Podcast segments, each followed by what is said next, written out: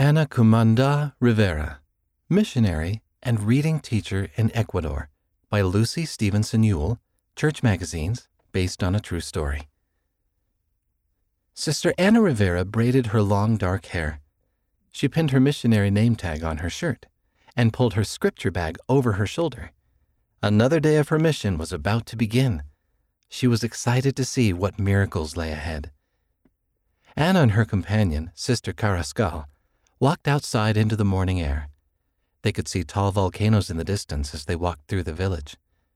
They were some of the first missionaries to be serving in the Otavalo area. The church in Ecuador was still new, but it was growing. Hola, they said as they greeted one of the families they were teaching a mother, a father, and several children gathered for a lesson. Today, we are going to teach about prophets, Anna's companion said. Anna and Sister Carrascal took turns explaining how God calls prophets to teach about Jesus Christ. When it was time to read, Anna opened her Book of Mormon. Anna always read the scripture verses because Sister Carrascal couldn't read or write. She was still a powerful missionary. I know that what we've shared today is true, Anna said at the end of the lesson. Will you pray to know for yourself? The family nodded. Anna felt warm in her heart. At the end of the day, Sister Karaskal said, Can you teach me to read and write? Anna didn't know what to say. She had never taught someone to read before. She didn't know if she could do it. I can try, Anna finally said. I don't know if I'll be a good teacher. Sister Karaskal smiled big. Just teach me, she said. I will pray to Heavenly Father to help me understand. Anna was amazed by Sister Karaskal's faith. Okay, I'll do it, she said. Each morning, Anna worked hard to help Sister Karaskal learn. They practiced writing letters, they sounded out words, they prayed for help.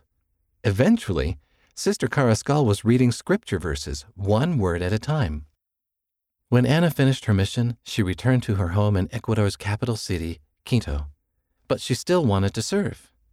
Heavenly Father, she prayed, I want to keep serving and I need to find a job. Please help me know how I can work and still help people. One day, Anna's prayer was answered.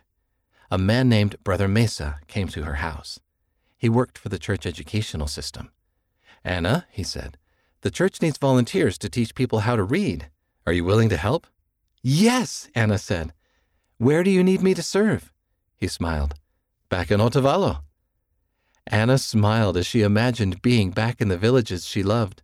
She was grateful for the gifts Heavenly Father had given her to share the gift of reading. and the gift of the gospel. Both were miracles. Fun facts Otavalo is a region in Ecuador in the Andes Mountains. Today, there are more than 250,000 members of the church in Ecuador. Soon, there will be two temples in Ecuador. Anna was baptized in 1974. She served her mission a year later. Anna volunteered for seven years to help people read. Anna's favorite primary song is A Child's Prayer. Read by Wes Nelson.